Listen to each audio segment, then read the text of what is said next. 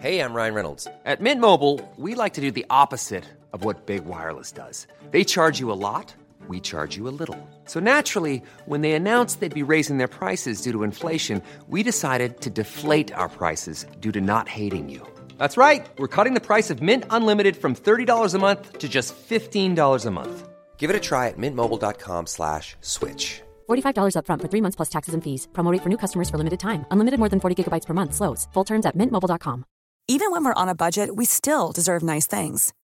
Quince is a place to scoop up stunning high-end goods for 50 to 80% less than similar brands. They have buttery soft cashmere sweaters starting at $50, luxurious Italian leather bags, and so much more. Plus, Quince only works with factories that use safe, ethical, and responsible manufacturing. Get the high-end goods you'll love without the high price tag with Quince. Go to quince.com slash style for free shipping and 365-day returns. I'm Sandra, and I'm just the professional your small business was looking for. But you didn't hire me because you didn't use LinkedIn jobs. LinkedIn has professionals you can't find anywhere else, including those who aren't actively looking for a new job but might be open to the perfect role, like me. In a given month, over 70% of LinkedIn users don't visit other leading job sites. So if you're not looking on LinkedIn, you'll miss out on great candidates like Sandra. Start hiring professionals like a professional. Post your free job on linkedin.com/people today. Så jeg la meg på utsida av kontorbygningen og sov der til jeg skulle på jobb. Så en, en dag så husker jeg våkna med en snau centimeter med snø over hele meg. Det var, det var kaldt. Bak scenen med Trond Harald Hansen. Velkommen til Bak scenen. Jeg heter Trond Harald Hansen, og i denne podkastserien får du bli med i kulissene på norsk showbiz-bransje når jeg snakker med kjente artister, skuespillere, programledere og produsenter. Og i dagens episode møter jeg Sturla Berg Johansen. Liker du å kalle deg komiker eller skuespiller eller programleder? Nei, det er, det er, det er akkurat sånn jevnt fordelt. Mm. Så, Du er jo relativt allsidig. Ja da, men eh, ja, alle, de, alle bruker jo det, går om hverandre, så det, er, det kan du gjøre akkurat som du vil med. Mm. Velkommen hit. Takk. Uansett. Hvordan var det du ble inspirert til å holde på med humor? Uh, det, akkurat det er jo Jeg vet ikke om jeg klarer å finne akkurat tidspunktet for det, men, men uh, Da det begynte for alvor, var, var s- fire- 24. juni i må ha vært 1983.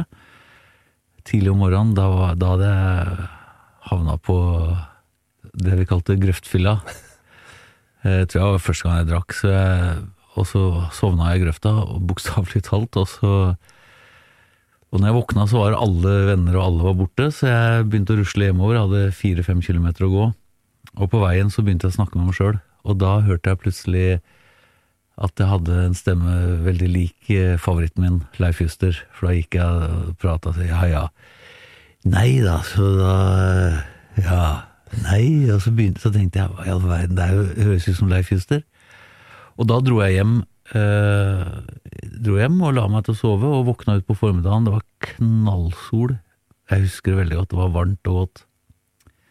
Og mutter'n ville ha meg ut, men jeg sa jeg er nødt til å sitte inne og se på TV. Og da så jeg på masse gamle Juster-ting som jeg hadde, da, for det var Han var jo helten allerede. Så, så det, det var da jeg liksom ble bevisst det, men det er klart jeg har jo blitt inspirert sikkert opp igjennom, og Dave Allen var en av de første komikerne jeg husker, sånn men, men jeg tror jeg lo mest fordi at faren min lo. Så, så men etter hvert så begynte jeg å skjønne litt av han òg. Var du en sånn som underholdt på, på sånne skoleavslutninger og Ja. Jeg var han. du var han? Han klovnen. Så med mer eller mindre hell. Så eh, ja. Det blei det, jeg, var, jeg var veldig frampå. Jeg husker vi skulle ha At jeg har ikke noe med show å gjøre, men, men det sier jo sikkert mye om, om meg som menneske den gang, kanskje sikkert seinere også, eller det vil jeg tro, selv om jeg ikke liker det så godt. Men vi, vi hadde et prosjekt eh, hvor vi planta poteter i klasserommet. Og så sto det over vinteren, og så når våren kom, så skulle vi ta det opp, da. Eh, og så ble det jo faktisk fine poteter. Og da fant frøken ut at hun skulle sende av gårde to elever til Tønsberg Blad for å ta bilde og, og vise fram prosjektet vårt. Og det ble to jenter. Hvorpå jeg rakk opp hånda og lurte på om ikke det var likestilling, at ikke det burde være én av hver. Og at jeg godt kunne representere Ja, ja. folka. Jeg kan ta den, det er greit. Ja. Så, så jeg var jo tidlig ivrig da på å vise meg fram, fram i avisa. Da den 24. juni i 1983 så skulle du da Du skulle se på video. Ja. Hva var det du øvde til da? Nei, det, det var bare fordi jeg, jeg hørte at jeg hadde en Leif Juster-stemme inne, og så begynte jeg å se på video, og så, og så mer og mer så, så merka jeg at jeg, jeg klarte å få han eh, ja, fakter og alt sånt noe, da. Så det her tok jo selvfølgelig lengre tid, men, men den 24. da, da var det da satt jeg flere timer og bare øvde og øvde. Nei, det er uten ute, det var, det var moro. Ja, ja fysj og fysj. Så holdt jeg på sånn. Så ja. Prøvde du ut det her for kamerater eller medelever, eller Ja, etter hvert så, så prøvde jeg litt Jeg husker ikke hvor jeg begynte, om det var venner eller, eller venner av foreldrene mine. Jeg lurer på om jeg prøvde på litt eldre folk først. Men, men alle visste jo hvem Justo var på den tida, så Ja. Så det ble Det ble, det ble voksne og unge og alt det. Da ble det mye Juster. Du jobba jo også som underholder hos Ving. Ja. Vingreiser Vingreiser het det den gangen. Ja. het, het det da. Hvordan starta du der? Nei, det, det var rett og slett en kompis av meg fra Tønsberg som, eh, som skulle inn på audition eh, til Sunwing, som, som brukte jo mye penger på, på sånne wingshow, da, sånne Sunwing-show. Eh, og de plukka jo ut folk. Og da jeg, jeg har sikkert gjort meg bemerka, for jeg lagde jo mye greier der, men jeg skulle jo ikke det. Jeg skulle i militæret. Så og, Men, men eh, jeg må ha gjort et eller annet eh, rart der, for at eh, Og, og et, når han var ferdig Han fikk jo jobb, men når han var ferdig, så gikk vi over Spikersuppa. Der var det noe TV-kameragreier, og så så jeg plutselig sto en kar der, krølltopp, og, og begynte å snakke om fredagen, fredagen sånn og sånn. og i ettertid så skjønte jeg at det er jo en teaser de holdt på å lage da. Eh, Og det var Dan Børge til sitt første fredagsunderholdning. Eh, Og jeg kjente ikke han jeg da, så jeg ante ikke hvem han var. Men jeg hoppa inn der og begynte med Juster der òg, selvfølgelig. Og da kom eh, For jeg så det var flere som kom bort, og de ble jaga bort, så de prøvde liksom å lage litt greier. Så jeg bare spratt inn og begynte med Juster, og da kom hun som hadde regi, da, som jeg i ettertid har fått vite var kona til Rolf Wesenlund. Oh ja, ser du det? Så hun kom inn, han, han må vi bruke på et eller annet. Og så ble jeg med på den. Da ble jeg med der, og da kameraten min som akkurat hadde fått jobb i Sunwing som underholder, han ble litt snurt. Men, eh, men jeg tenkte jo ikke så mye over det, for jeg var bare Jeg veit ikke, jeg bare lagde sprell. Så var jeg i militæret, og når jeg begynte å nærme meg slutten, eller om jeg kanskje egentlig var ferdig, jeg satt litt over, da, for jeg hadde noe, noen dager i kakebua og, og sone ferdig så ringte, så ringte Vingreiser til moren min og lurte på om jeg var ferdig med militæret snart, og om det var interessant for meg å begynne å jobbe for dem. Da Så da, begynte jeg, da var jeg veldig ivrig på det. Så da blei det, da ble det Vingreiser. Det blei via Tjo Fadderittan og show. Ja, ja. Da var det ned til Mallorca og Gran Canaria og Da var det ned til Mallorca først, og så Tenerife. Og tilbake til Mallorca. Og så Det var tre sesonger, da, så var jeg forsynt. Du var jo også med på det som man sier er liksom standupens barndom. Ja. Hvordan så standup-miljøet ut her da? Det nei. lille som var. ja. Nei, det var en rar eh, Det, det var en rar uh, greie. Altså, det var utrolig spennende, selvfølgelig. Vi var på Teatro, uh, en liten restaurant i, på Aker Brygge. Eh, og det, jeg ringte eieren for noen år siden og lurte på om det var greit at jeg kalte butikken min, for han gikk konkurs. Eh, og så starta jeg produksjonsselskap, så jeg lurte på om, jeg ringte han og lurte på om jeg kunne kalle Om han syntes det var greit at jeg kalte firmaet mitt Teatro, da. Men det syntes han var gøy, så det var greit. Eh, Så det, var, det ble en veldig viktig tid for meg. Vi var, eh, det var Jonny Kristiansen og Jon Skau. Maja Løvland, Rigmor Galtung, eh, Are Kalve, Eddie Eidsvåg, Kristina Bjørkås Vi var en Jeg vet ikke hvor mange vi kan ha vært, 15, 15 stykker kanskje? 14-15 stykker. eh, som begynte der, og så Men det var jo ikke noe standup. Altså, Eddie Eidsvåg han sto og leste bakoppskrifter. Og, og Jon Skau kjørte en sånn der eh, ishockeyfigur han hadde, eh, som han hadde med i den olympiade i Norsk Revy hos Dan Børge Akerø i 93.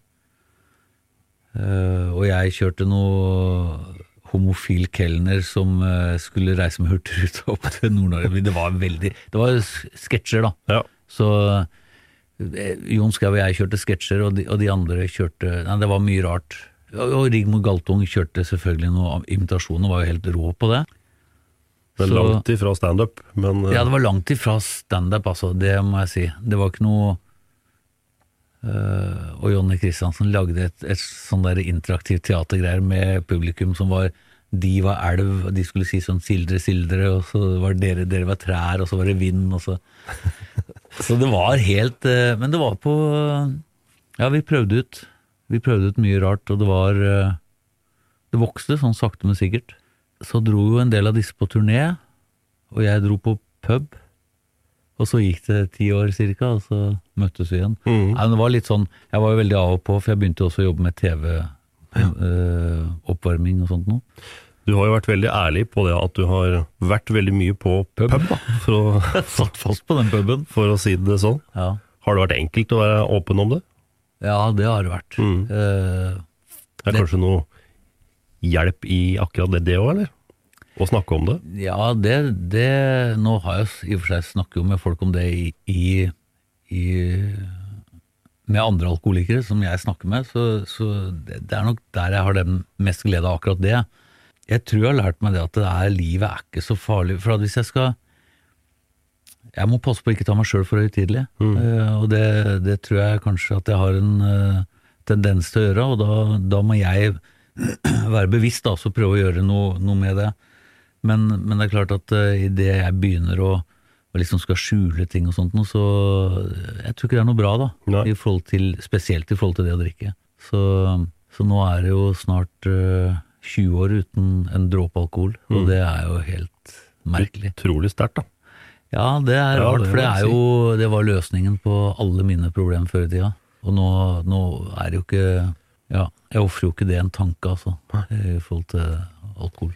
Så, eller, eller andre ting, andre rusmidler, så er jeg helt ferdig, og det Eller jeg er i hvert fall ferdig for i dag. Mm. I dag skal jeg ikke drikke noe, eller bruke noe, så Men jeg tror det har vært fint. Og så er det klart, jeg var jo veldig kjent også eh, i, i en periode hvor det var jeg jobba mye, det var mye farting og sånt nå, så merka jeg at folk de, For jeg var jo med ut og sånn, og når de tok opp liksom 'skal du ha en øl til' og en øl til, og så gikk de i baren, og så kom de tilbake med sju øl og én Farris. Sånn at alle var, enten det var folk jeg kjente eller ikke, så visste de at de tar med en Farris til Så sånn sett så har det vært absolutt lettvint, da. Mm.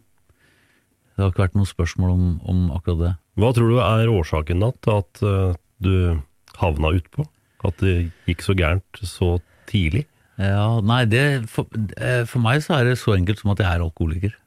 Så jeg har ikke noe, det er ikke noe Jeg har ikke noe svar på det om, om eh, eh, Man skulle kanskje ønske seg historie om eh, barndom og alt sånt noe, men jeg tror jeg har hatt en ganske vanlig barndom med, med en familie som har hatt sine utfordringer og all sine gleder og reiser og samhold og, Mm. eh, og sånt noe, men, men eh, jeg, jeg tror jeg tror det er veldig vanskelig å drikke seg til alkoholiker, da. Ja. Hvis du ikke er alkoholiker, så tror jeg det Vi hører om folk som drikker mye perioder i, i livskriser, eh, skilsmisser og alt sånt noe, men, eh, men det å drikke seg til alkoholiker, det, det tror jeg er Jeg tror at det er vanskelig. Jeg tror at det, det er noe du har eh, anlegg for. Eh, så Jeg veit ikke.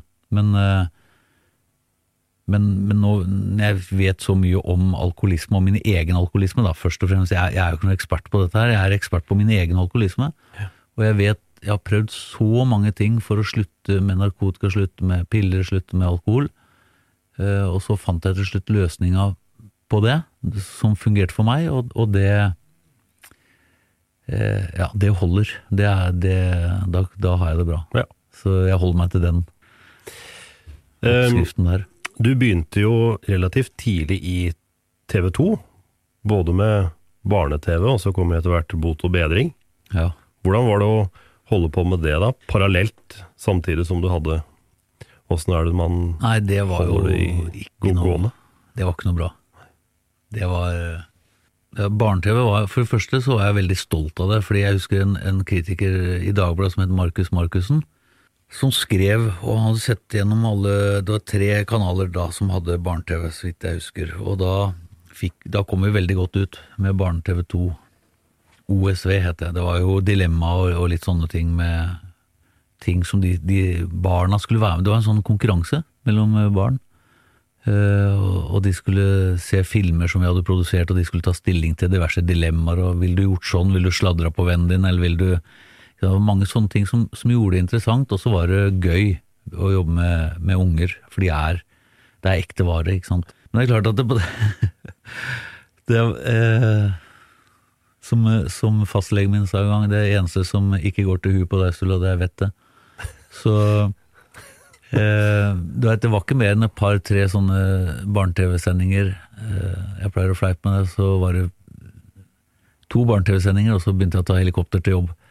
Så, så det, det ble jo mye, ikke sant. Det var eh, bekreftelser, og det var eh, sikkert mye sånn stormannsgalskap, eller sånn der eh, se her. Så, og, og blanda med alkohol og kokain, så er det Det var jo helt håpløst. Og jeg husker jo en episode, det var ikke noe det var ikke noe voldsom episode, jeg bare husker det bildet, for at det, sånn 11.30 på, på lørdag morgen så kom, var jeg på vei hjem. Jeg bodde i Valkyriegata, over Smør Pettersen. Og der eh, jeg kom hjem på formiddagen med skjorta på utsida. Du vet sånn når du har vært skikkelig på drittfylla. Sånn kom jeg hjem. Og jeg husker unger som stoppa, og og de glante, for de kjente meg igjen. Ja, ikke sant? Og det er et sånt bilde jeg tenker Hvor tjukk i huet går an å bli? Og det er omtrent så tjukk i huet. Så det har, vært mange nedturer og sånn i forhold til det, men, men altså, når jeg sitter her nå, så tenker jeg at jeg har vært utrolig heldig òg, da. Jeg har vært med på utrolig mye gøy, og så har jeg lært mye, øh, føler jeg. Om meg sjøl og, og om livet generelt. Så syns jeg jeg har fått jeg synes jeg har fått valuta for denne reisen. Hvordan var det du havna i Bot og bedring, da? Det var vel eh, to sesonger, var det ikke det? Og omtrent eh, forskjellig cast, i hvert fall delvis forskjellig cast på, på begge to? Ja, det var, det var tre sesonger. Tre var det. Ja, og så øh, Og så var det ett kast første sesongen, og så var det to-tre stykker som bytta ut. Ja, Det var Kjersti Fjelstad og jeg som ble med videre fra første sesong til de to neste. Mm. To neste. Så eh, Nei, jeg jobba i Vegelius TV, som var da eh, stort produksjonsselskap øh, i Skandinavia. øh, Svenskt. Annie Vigelius het hun som starta det. Og der jobba jeg med Super-Rebus, Thomas Leikvoll, som hadde i TV3. Og så ble jeg spurt, og det her var jo på en tid hvor jeg drakk mye, altså, så der hadde jeg også et par, par ganger hvor jeg var på fest, så gikk jeg rett på jobben, og, fordi at jeg torde ikke, jeg var redd jeg skulle forsove meg. Så jeg la meg på utsida av kontorbygningen, og sov der til jeg skulle på jobb. Så en, en dag så husker jeg våkna med en snau centimeter med snø over hele meg. Og det var, det var kaldt, for å si det Det mildt. Og så var det opp og jobbe. Men da fikk jeg spørsmål om ikke jeg ville gå ned på er det Scandic det heter, et hotell som lå ved Soljeplass der. Der skulle de ha audition til en ny TV-serie som VGL skulle produsere. Så de syntes jeg skulle gå ned og prøve på det, da. Så det gjorde jeg. Da hadde jeg sovet ute på natta, og var ganske rufsete og dårlig i form. Og, og fant, gikk gjennom korridorene der, og der det Det hadde vært konferanse der, så det sto sånne tr trillebord med kaffekopper og sånt, og jeg var jo trøtt og kald og jævlig, så jeg, det var jo noen kaffeslurker som jeg tømte i meg. Da føler jeg, altså I ettertid så ser jeg at det var eh, nesten uteliggertilstander. Altså. Ja. Man kan jo le litt av det nå, men det er jo Ja, det er dypt tragisk, det er egentlig. dypt tragisk, men, eh, men det er klart, jeg kan le av det, for det har gått så bra. Altså, Jeg har klart mm. meg fint, jeg har overlevd dette her, og de, det er jo de færreste som gjør det. Men, eh, men jeg kom nå inn der, og, og det blei jo juster igjen, ikke sant. Det var jo vinnerkortet, det. Ja. Så det også litt tjofaderittan og sånn, og da husker jeg det var han Kolstad som hadde regi, da, som, eh, som sa at han der skal vi ha med. Så fikk jeg jobb som Dennis i Bot og bedring. Og det var, jo en, eh, det var jo en tøff periode for meg, for da, da var det mye alkohol, og det var mye narkotika, og det var eh, mye oppmerksomhet. så, som også gikk rett i huet på meg. Så ja, det har vært mye av det. Men Bot og bedring, det ble tre sesonger. Kan du si litt om hva dere forsøkte å, å skape med det?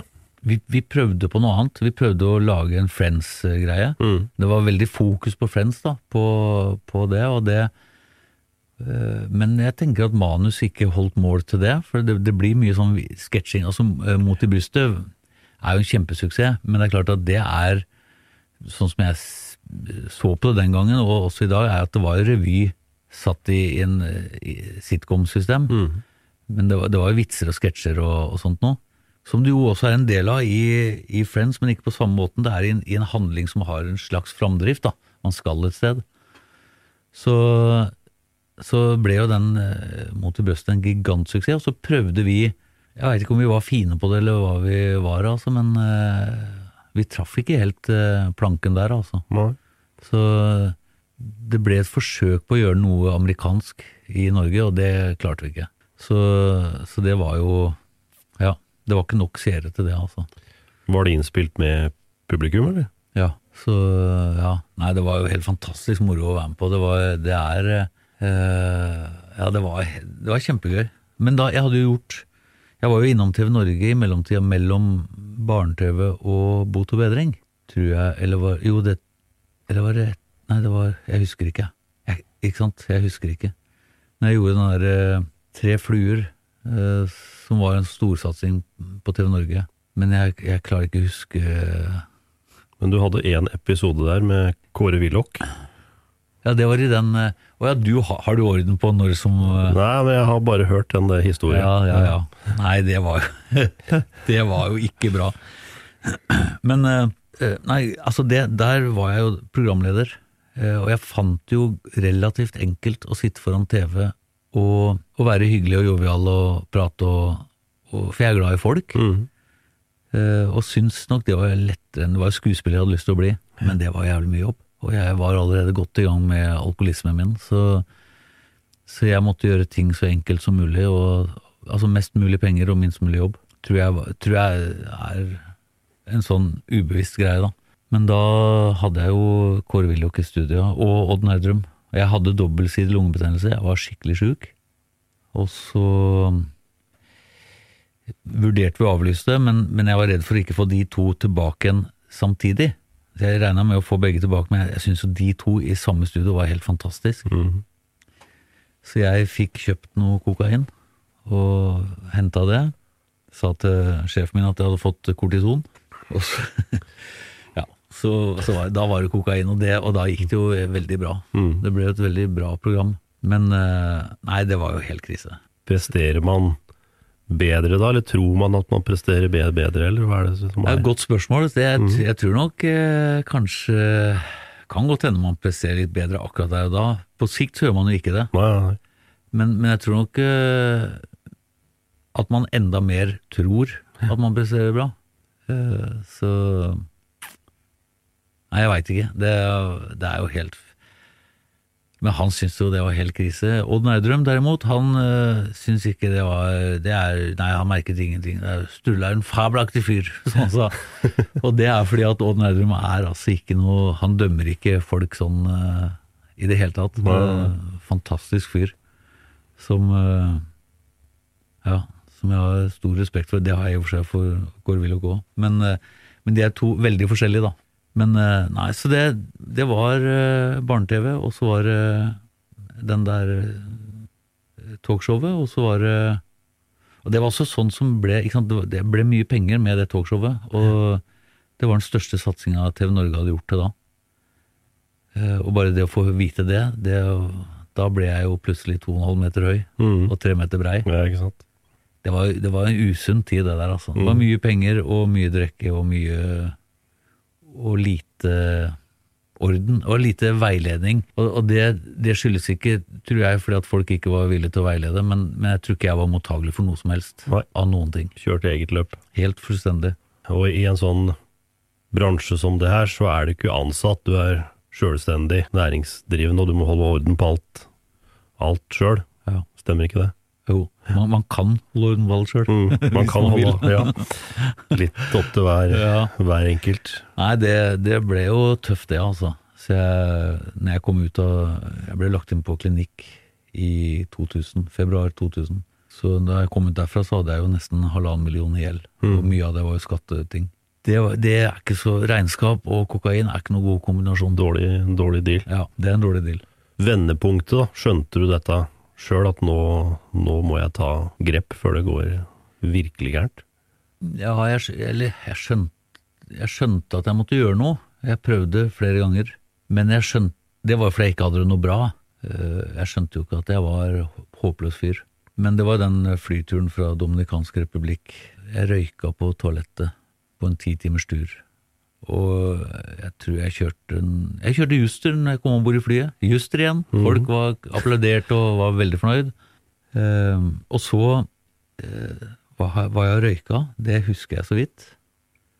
Og så har jeg blitt sur på et eller annet, jeg veit ikke, men jeg har ikke vært noe hyggelig. Og med tanke på at vi da vet Jeg var ikke bevisst det, jeg da, men, men det er like fullt en sannhet at 80% av de som sitter om bord i et fly, de, de syns ikke det er så veldig greit. Altså det, er, det er ikke så mange som har veldig store problemer, men, men det, er ikke noe, det er ikke beste stedet de veit om, da. Nei. Og det er også en høy prosentsats som syns det er ubehagelig. Så når du har en idiot da som suser og rører og tuller og tøyser, og så blir det ikke noe bra. Uh, og jeg tror jeg har kjefta på kapteinen og jeg, jeg, Vet du hva, jeg husker ikke så mye av dette, men jeg ble arrestert. Jeg ble arrestert i, på Gardermoen, men jeg skulle jo egentlig til Stockholm, for der sto bilen min. Så jeg prøvde å, å si til han politimannen at han, må, han kan arrestere meg, men han må bli med til Stockholm. Så begynte han å dra i meg, så begynte jeg å dra i han, og så gikk det to sekunder, og så lå jeg på magen med hendene i håndjern bak på ryggen, og ble løfta opp, og så gikk jeg ut av flyet, eskortert av politiet, til trampeklapp fra 250 medpassasjerer. Det var ikke så flaut akkurat da, men i ettertid, Ettertid, så så- har det vært flaut. Men da, da Han politimannen, det var en kar, nordlending, som eh, De kommer fra Jeg veit ikke om Nei, det er vel eget politi på Gardermoen. Så, Ja, det det. så inn, eh, inn i bilen, og så skal han til å lukke inn bakdøra, og så stopper han litt, og så ser han på meg, og så sier han Jeg hadde aldri trodd at du var så dum. Og jeg, akkurat det husker jeg så godt, for jeg er akkurat i det øyeblikket han sa det, så tenkte jeg antageligvis for første gang i hele mitt liv at er, er ikke Kan det være meg det er noe gærent med? Er det ikke de andre? og det tror jeg aldri har tenkt før. Så det, der gikk det jo et lys opp for meg, og det var starten på, på slutten. Så jeg tryna litt grann, og holdt på å bale i et halvt års tid, men, men da, hadde jeg satt, da hadde jeg begynt. Og Da kjempa, og så, og så ble jeg edru. Og så tok jeg kontakt med han igjen et års tid etterpå, for da hadde jeg vært edru litt. Eller halvannet år. Jeg var, jeg var edru en stund da, før jeg tok kontakt med han. For det var, det var vendepunktet. Så det, og det er jeg takknemlig for. Og det er jo politiets Jeg har holdt litt foredrag for Norsk Narkotika- og Politiforbund, og det som jeg, som jeg pleier å åpne med, som jeg syns er viktig, er at politiet er øh, Altså politiet som er ute blant eh, folk, da. eh, de er blant de folka som kan mest om det livet narkomane lever. Ikke sant? De kan mye om det, de vet det, og de respekterer folk. Så er det selvfølgelig noen råtne epler der òg, men det er overalt. Men, men politiet er liksom en viktig noe, noe i hvert fall jeg var trygg på som uh, rusmisbruker. Så det var ikke alltid jeg var like glad i dem, men jeg var trygg på dem. Ja. Og de er jo også så utrolig nært på, da. Ja, ja de er, de er, de er jo de som er først, veldig ofte. Ja. Men da på tidlig, tidlig 2000-tallet, 2002, så er du tilbake igjen på scenen. Ja, jeg var tilbake faktisk i 2000, et halvt års tid etterpå, på, i et Shakespeare-stykke i Tønsberg. Og, og det var krevende og spennende, og så, men, men jeg hadde bestemt meg for at jeg skal ikke mer på scenen. Så, men Ryan Reynolds her fra Mint Mobile. Med prisen på nesten alt som går opp under inflasjonen, trodde vi at vi skulle bringe prisene prices down. So to help us, we brought in a reverse auctioneer, which is apparently a thing. Mint Mobile unlimited premium wireless. Have to get 30, 30, bit to get 30, bit to get 20, 20, 20, bit to get 20, 20, bit to get 15, 15, 15, 15 just 15 bucks a month. So, Give it a try at mintmobile.com slash switch. $45 upfront for three months plus taxes and fees. Promo rate for new customers for limited time. Unlimited more than 40 gigabytes per month. Slows. Full terms at mintmobile.com. Ready to pop the question? The jewelers at BlueNile.com have got sparkle down to a science with beautiful lab grown diamonds worthy of your most brilliant moments. Their lab grown diamonds are independently graded and guaranteed identical to natural diamonds, and they're ready to ship to your door. Go to BlueNile.com and use promo code LISTEN to get $50 off your purchase of $500 or more. That's code LISTEN at BlueNile.com for $50 off. BlueNile.com code LISTEN. Så var jeg litt sånn Jeg tror jeg var, hadde litt sånn Var litt mørk i, til syns. Litt, eh, litt svartsinn. Og da bestemte jeg meg for å skrive det, det jeg hadde vært igjennom det siste halvåret med terapi og, og, og i grupper og sånt nå, tenkte jeg, og dette her med alkoholisme og alle konsekvenser og alt sånt, som, det er jo en selvransakelse av en annen verden. Så tenkte jeg nå skal jeg skrive det samme en gang til, men jeg skal gjøre det med et humoristisk fortegn. Eh, sånn at jeg kan komme ut og så være en blid fyr, Ja. og bare og ha det gøy sånn som jeg hadde det før. Eh, uten eh, rus, selvfølgelig. Men, så jeg satt meg ned og skrev, og underveis så, så kjente jeg at det her, det her må jeg gjøre på en scene. Så jeg, jeg gikk ned på et sted i Da bodde jeg i Sandefjord, så jeg gikk ned på et utested der og, og spurte om jeg kunne gjøre noe eh, på, kvelden, på en, en kveld der, og det sa de var helt i orden. Og det ble utsolgt, så vi, vi solgte, la ut en til, og så ble den utsolgt, og så tror jeg vi lagde to eller tre ekstra. Da hadde jeg ikke vært på scenen på lenge. Og så skrev jeg da en eh, standup-tekst. Den kom jo egentlig bare til meg. Og så, så satt jeg med en historie som jeg syntes var utrolig morsom. Men jeg, men jeg måtte male litt større bilder, og da satt jeg og tenkte på hvem er det som er så god på det, og det, og det er Jonny Christiansen. Så jeg dro til han, og så leste han gjennom et par ganger, og så begynte han å snakke i bilder og sånt, og så kom med flere innspill, og så, så la jeg det til i denne teksten. Og så da fikk jeg bygd ut teksten litt, og så satt jeg og tenkte Skal vi se, hva gjør jeg nå, liksom nå? Jeg trenger mer fart, litt mer snappy.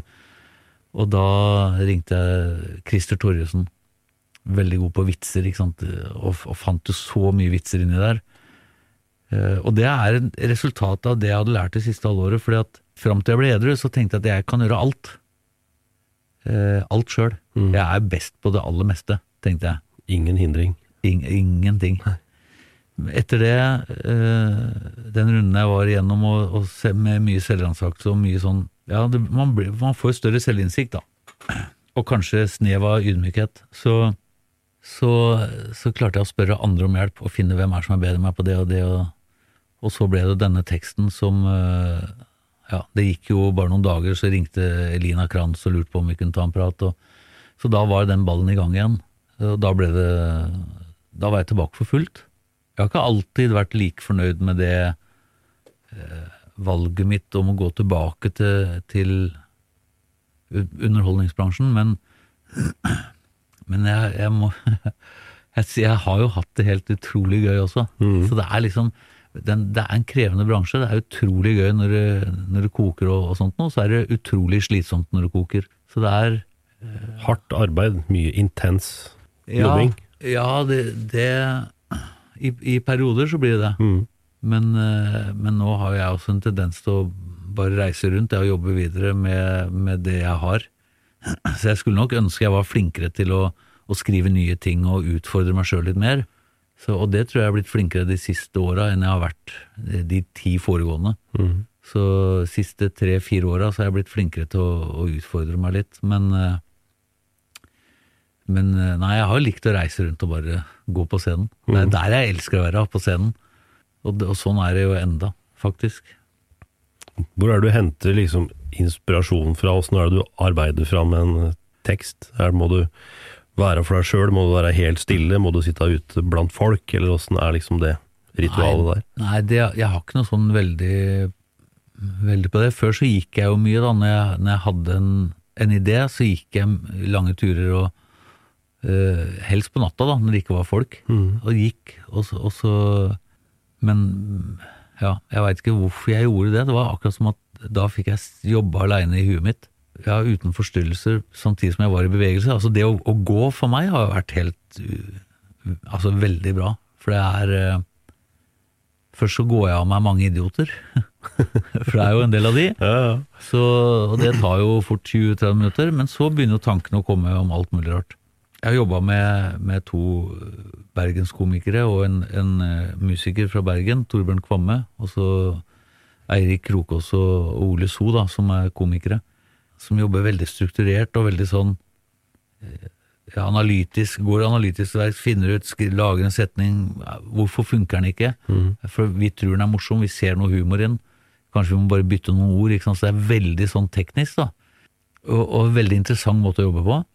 Og så, og, så, og så jobber man da inn et språk som gjør at det, det fikk jeg oppleve nå virkelig, for vi, jeg, jeg var på, i Arendal, eh, på Kulturhuset der, og, og det var liksom ikke Jeg tenkte fy faen for en tung jobb, altså. Men jeg bare fulgte manus, jeg, jeg hoppa ikke ut av noe, jeg bare fulgte den der. Og den, det skjønte jeg da etterpå, for da fikk vi jo knallkritikker, og jeg syns det var helt jævlig å stå der. Og det tror jeg er fordi at vi har skrevet en tekst som gjør at, eh, at den går av seg sjøl, med rytme og litt sånn som eh, uten at det er blankevers, så er det, så er det allikevel litt den derre Språket flyter, da. Litt som blankevers når, når Shakespeare skriver, ikke sant. Det er, det er en rytme og, og driv i det. Så jeg lærte jo noe nytt der. Jeg har liksom alltid hatt tillit til at jeg kan fikse det hvis det er litt sånn dårlig stemning, men, men eh, det er ikke det, altså. Så, så den, den nitidige arbeidet vi gjorde med teksten, den, det ga resultater. Betalte seg etter, etterpå, ja. Ja. Mhm. Du blei jo tildelt eh, Komiprisen i 2002. ja. Hvordan var det? Vel fortjent, må jeg si. Ja, det, det er akkurat det. Det må jo ha smakt utrolig godt da. Ja. Det var eh, Ja, det var en det var veldig rar eh, rar opplevelse. Eh, Jeg syns jo sjøl at, at vi hadde laga et forbanna bra show, og som jeg selvfølgelig igjen levde lenge på, istedenfor å eh, Det er, det er en venn av meg som heter Frank Beck, han døde for noen år siden. En idrettspsykolog, kalte han seg vel. Han er utrolig fin fyr. Men han, han sa det at når du vinner, eller når du har suksess, så er det en karamell som varer i fem minutter, og så må du jobbe videre. Det er ikke noe mer enn det er liksom ferdig. Så, og det har jeg nok ikke lært før eh, kanskje er litt for seint, da. Jeg, jeg har sugd lenge på karamellene. Det er, det er eh, Den har vart lenge. ja. Ja. Så men, men det var jo en fantastisk eh, følelse da også, fordi at jeg syns showet var bra. Jeg følte ikke at jeg fikk den fordi at å, nå har han blitt edru og stakk, nå må vi hedre ham', liksom. Det var, det var en god jobb, og den, den forestillingen fortjente Komiprisen. Men da var jeg på turné, så jeg var, hadde vært i Trondheim og skulle til Ålesund. Så jeg ble flydd ned for, for Komiprisen, det arrangementet, og så fikk jeg den prisen, og så Og det her var jo Da var det jo ikke noe Det var bare lineær TV. Det var NRK og TV 2. Så alle så på den komiprisen, og jeg kom opp på Gardermoen og hadde jo med den som håndbagasje. Jeg tenkte jo ikke på det. Og så ser han på meg, så sier han ja, gratulerer, sier han der eh, i, i sikkerheten der. Så den der, den eh, den kan du ta med deg, men du må ikke slå i hjel noen. det var Da tenkte jeg faen, vi, vi har det bra, vi lever i Norge. Ja. Det er Det er det er helt fantastisk. Mm. Han hadde sett på TV kvelden før, og det syntes han var hyggelig. Gratulerer. Må ikke slå i hjel noen. Ha det bra. Så da hadde jeg Og så var det turné videre, og det Men det var, en, det var jo en fin tid, eh, akkurat det der, altså. Du har jo fått eh, flere priser òg. Folkets pris under Gullruten i 2008. Ja. Leif Justers ærespris. Ja, den står jo høyt. Ja. Det var jo eh, Ja, Folkets pris er jo også helt fantastisk å få, selvfølgelig. Da, da satt jo han prisgrossisten Er det mulig, da? Stoltenberg. Satt jo rett bak meg. Eh, han, året før så han, jo, så, han tok jo så mye priser i alt som var på borettslag og Tok alt. seg hele- hele rubbel og bit. Kakefatta. Så når jeg fikk den prisen, da Jeg, veit da faen, men jeg spratt opp, snudde meg rundt og ga han en klem. Ja. Altså, jeg kjenner han ikke engang. Men, eh, men eh, Nei, da var, jeg, da var jeg stolt. Og så kom jo Justerprisen, og det, det var også en, en Det var veldig gøy. Det var på gamle Edderkoppen, eh, og det var jo mye artister der. Espen Brenek Holm og, og Hans Stoltenberg og von Bremsen. Thomas von Bremsen eh, Herbert, Albert og Herbert. Albert og Herbert, ja. ja. Og Lillebabs var der. Det var masse store artister, og, da fikk jeg, og så fikk jeg den på det som ville vært Leif Justers 100-årsdag. April, var det vel, i 2010. Det var en herlig opplevelse, det òg. Og så dro jeg til Paris.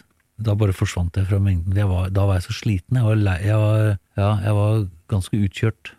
Allerede det, jeg ville ikke snakke med pressen eller noen ting. Jeg ville bare komme av gårde og dro til Paris.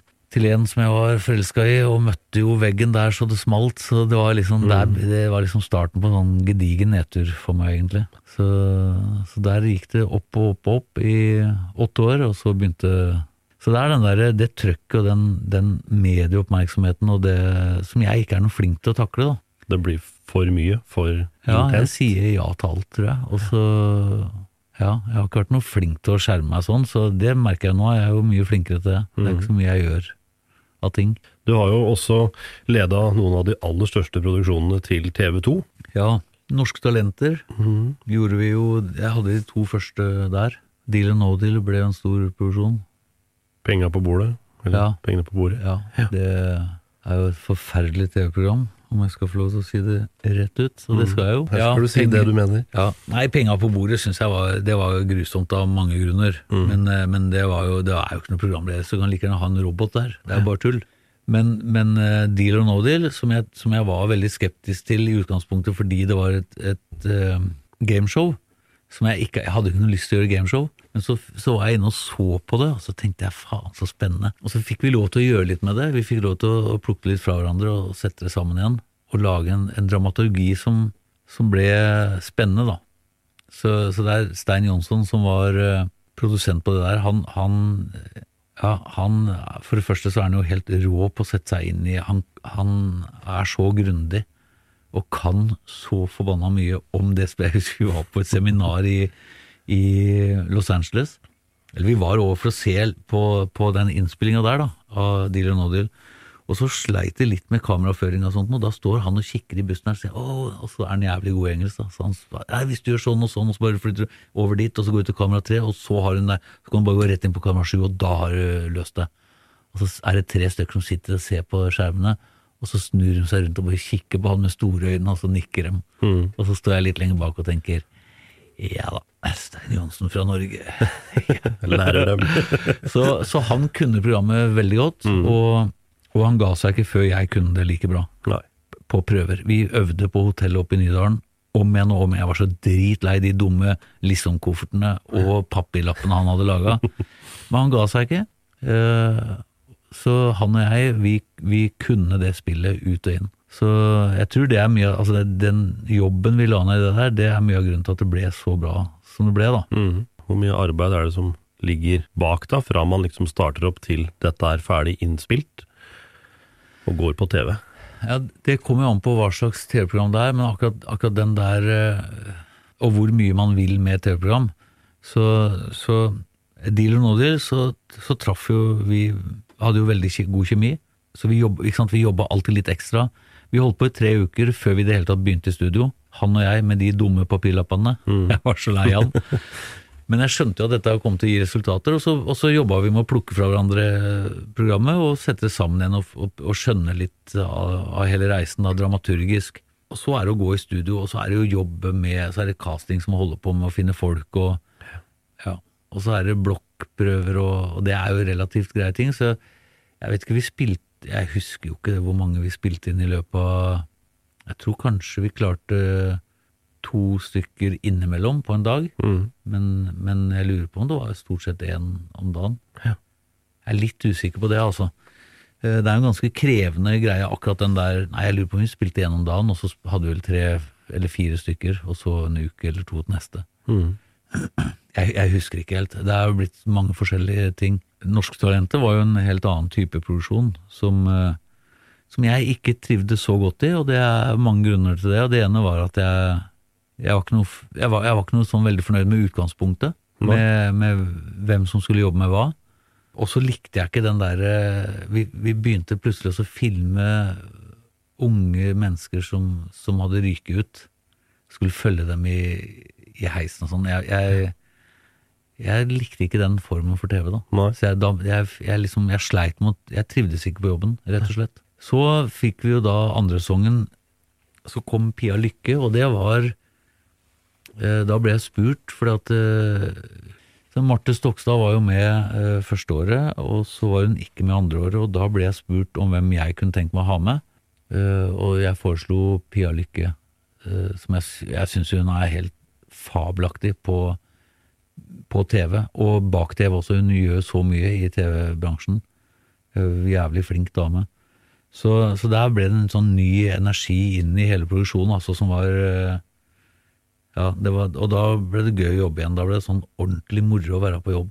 Ja, Og så husker jeg ikke hvorfor jeg slutta med det. Jeg lurer på om jeg sa ja til Jeg har jo hoppa så mye i TV 2. Jeg har starta opp så mange nye ting. Ordløs var jeg med på. Så det, det har jo blitt mange forskjellige typer produksjoner, altså. Komikameratene. Fantastisk idé. Den var jo Ja. Det gikk jo ikke bra. Nei, det var jo helt forferdelige greier. Og det, det er det mange grunner til. Og det, men jeg får jo bare snakke for min egen del. Og, det, og jeg, jeg var rett og slett ikke i form til å være med på det prosjektet. Jeg lufta vel litt tanken om det, fordi at vi var så fire, altså oss fire sammen. Jeg tror ikke vi hadde forankra en felles eh, visjon, en, en felles forståelse av hvor vi skulle. Jeg, tror det var eh, bare mange egoer som løp løpsk. Eh, I hvert fall så var det det for min del. Det ble veldig Jeg fokuserte veldig på hva jeg skulle og ikke skulle. Og ikke minst hva jeg skulle og ikke skulle i forhold til det andre. Jeg skulle ønske at jeg hadde takla ting litt annerledes. Jeg, jeg går på, på BI akkurat nå, for fordi at jeg har starta produksjonsselskap, så jeg, jeg tenkte jeg må, jeg må lære meg litt ting.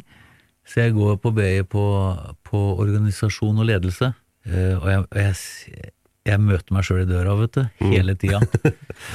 og jeg må si at eh, den Nå har jeg gått der i to måneder, og den jeg tenker mest på eh, når jeg sitter på skolebenken, det er Elina Kranz, som eh, produserte Komikameratene.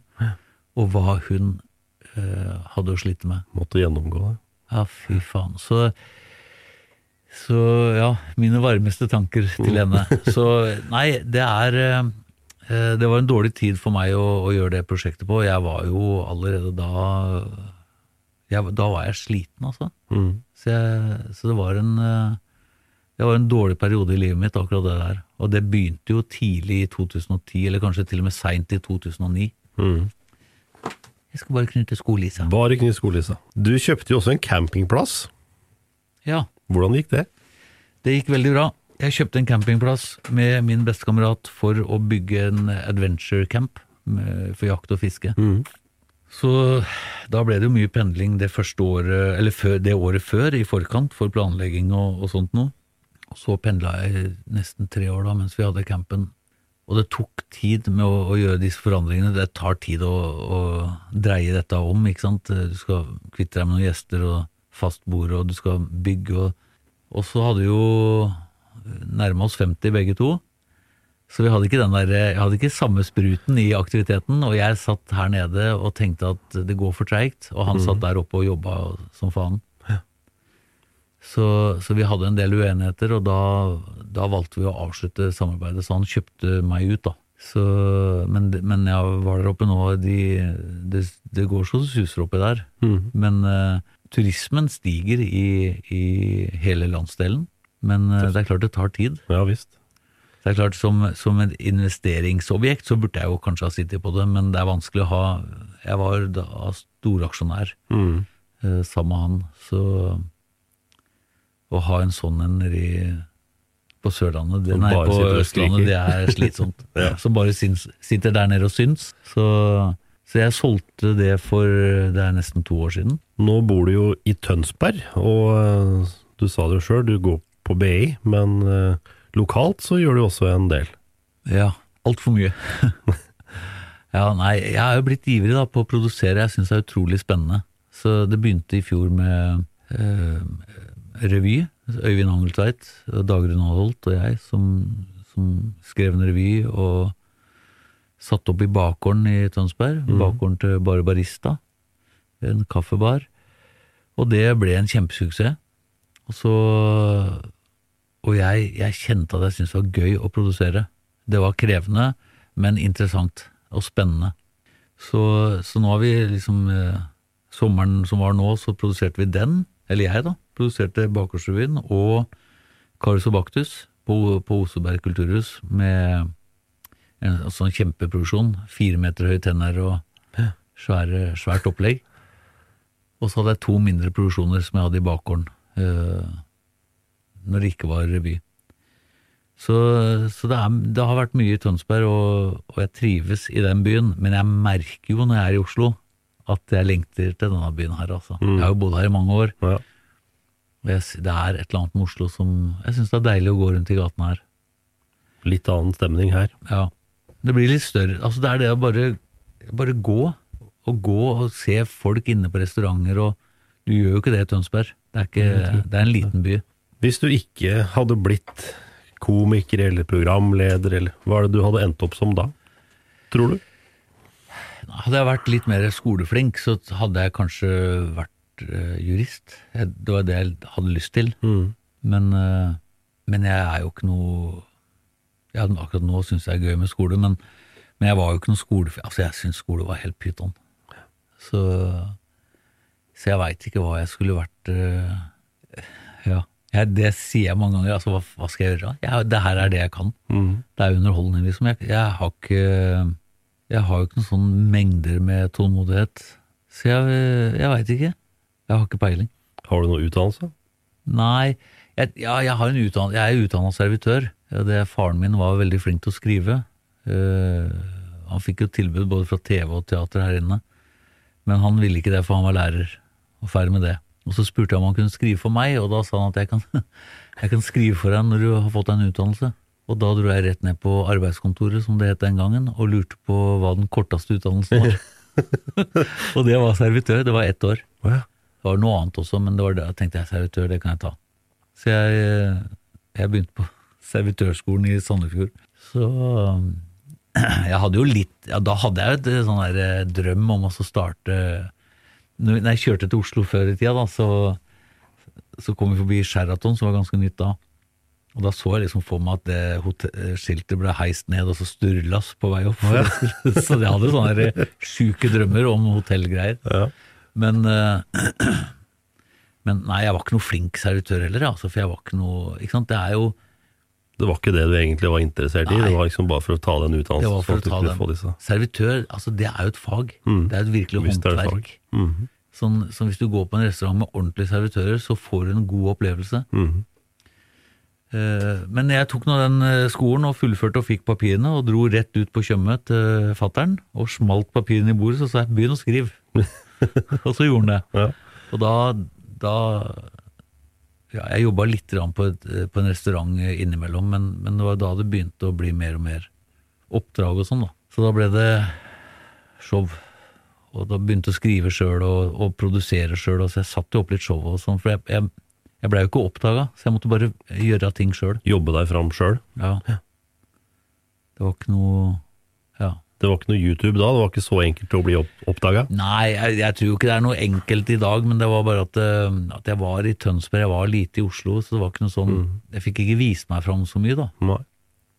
Men nei, fy faen, i dag er det jo Atskillig flere muligheter nå. Ja, det er flere muligheter, men er, man, man drukner jo i alt sammen. Jeg hadde jo aldri brutt igjen, uh, fått noe gjennombrudd hvis, hvis jeg hadde vært ung i dag. Det tror jeg ikke. Jeg ikke det var, øh, det var justerimitasjon, det. Og så, uh, ja, At jeg er glad i folk, tror jeg. Og, og blir jeg går ut på scenen, så koser jeg meg. Og da, men jeg ser så mye flinke folk. Jeg hadde ikke hatt kjangs. Garantert. Det er jo noen som er eh, redd publikum, altså de er litt engstelig. Er du det, eller? Skuespiller heter det. Skuespiller? Ja, men du er skuespiller, det. ja. Nei, nei da. Nei, jeg er ikke noe redd for publikum. Jeg, jeg er veldig glad i publikum. Det er jo det er de som har betalt seilbåten min. Ja.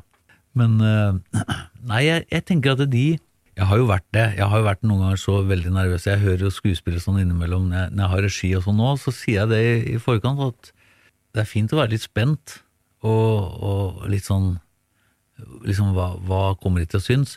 Men hvis man er nervøs, hvis man er nervøs før man går på scenen, da er min påstand er at man er veldig selvsentrert. For da er man bare opptatt av hva de tenker om meg. Ja, ikke. Eh, hvis du glemmer deg sjøl litt, og, og tenker på publikum, liksom nå, nå skal jeg gjøre hva jeg kan for at dere skal ha det hyggelig. Liksom, hva er det dere har lyst på? Hvis man tenker på publikum så, og glemmer seg sjøl litt, så, så tror jeg man gjør en mye bedre jobb. Eh, og da kan man være spent på hva de syns om det. Men, men det der med, med nerver, da blir det Det er Ja. Jeg, jeg tenker at det er, da er man litt i overkant selvopptatt, da. Så farlig er det ikke utpå der. Og de har betalt masse penger for å komme og se deg. De har ikke råd til å synes deg dårlig. Nei. Altså Terskelen for å synes deg dårlig er ganske høy, da. Mm. Så, så de sitter der og ja, fy faen, ikke god! Og drar hverandre opp. Ja da, var sånn, kjempebra! Helt rå! Hva skjer i 2020, da? Da skal jeg produsere antageligvis to produksjoner. En på sommeren og, og en eller to øh, nærmere jul. Og så, og så holder vi på å planlegge en mye større produksjon øh, for 2021. Ja. Som, øh, som er bare i start, startfasen. Og så får vi se om jeg klarer å ta eksamen og få litt ordentlige karakterer på skolen. Så, så er jo drømmen å få til å bygge opp dette produksjonsselskapet. Eh, og så, så skal ikke jeg holde på så mye med det administrative der, for at jeg har lyst til å skape noe. Eh, Men at vi klarer å, at vi klarer å, at det genererer såpass mye penger at vi kan holde på å leke litt med å, å skape nye ting, da. Mm. Det er målet. Åssen er underholdningsbransjen i 2020 kontra 1990? Hva er de største forskjellene? Nå er det jo så mange flater. Ikke sant? Det er mye å Det er vanskeligere å nå ut til, til store mengder. Som når jeg hadde Deal or no deal, så, så var jeg også gjest i Beat for beat. Det her var jo vel Nei, det her var jo ikke på 90-tallet, nei. Det her var jo 2006? Ja, men det var i hvert fall før det eksploderte, da, med, med masse forskjellige flater. Så, så hadde jeg jo, hva det det sto i VG, Sturla har 1,2 millioner seere. Fordi jeg var gjest i, i Beat for beat, og de programmerte seg opp mot Deal or No Deal. Så jeg var på begge samtidig, og da var det Men det er klart, sånn som uh, Nytt på Nytt, da, som har en million seere, eller hadde i hvert fall. uh, jeg vet ikke hva de ligger på nå, men sikkert 700 000 eller noe sånt nå. Så er det klart at eh, det er det bare NRK som kan få til. Og, og alle vi andre, vi, må, vi spiller for 150 eller 300 000. Da er det bra. 350 000 er bra, vil jeg tro. Så det er mer krevende, samtidig som det er jobb til flere. Så, så spørsmålet er hva man liksom Det kommer an på hva, hvem du spør. Altså. Er, Ja. er det bedre eller er det dårligere? Jeg tenker at det er flere mennesker som kan leve av underholdning. Det er bra. Men, men det gjør også at jeg eh, ikke er noen stjerne i det hele tatt. Eh, Og dem er det bare noen få av i Norge i dag. Og det, og det, det, men den livserfaringa mi, da, og i hvert fall for sånne som meg, så tenker jeg at det er i hvert fall veldig bra. Så får en være stjerne, de som tåler det.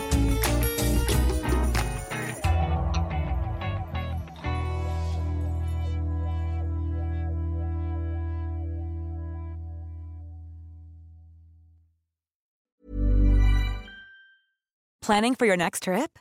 Elevate your travel style with Quince. Quince has all the jet setting essentials you'll want for your next getaway, like European linen, premium luggage options, buttery soft Italian leather bags, and so much more. And is all priced at 50 to 80% less than similar brands.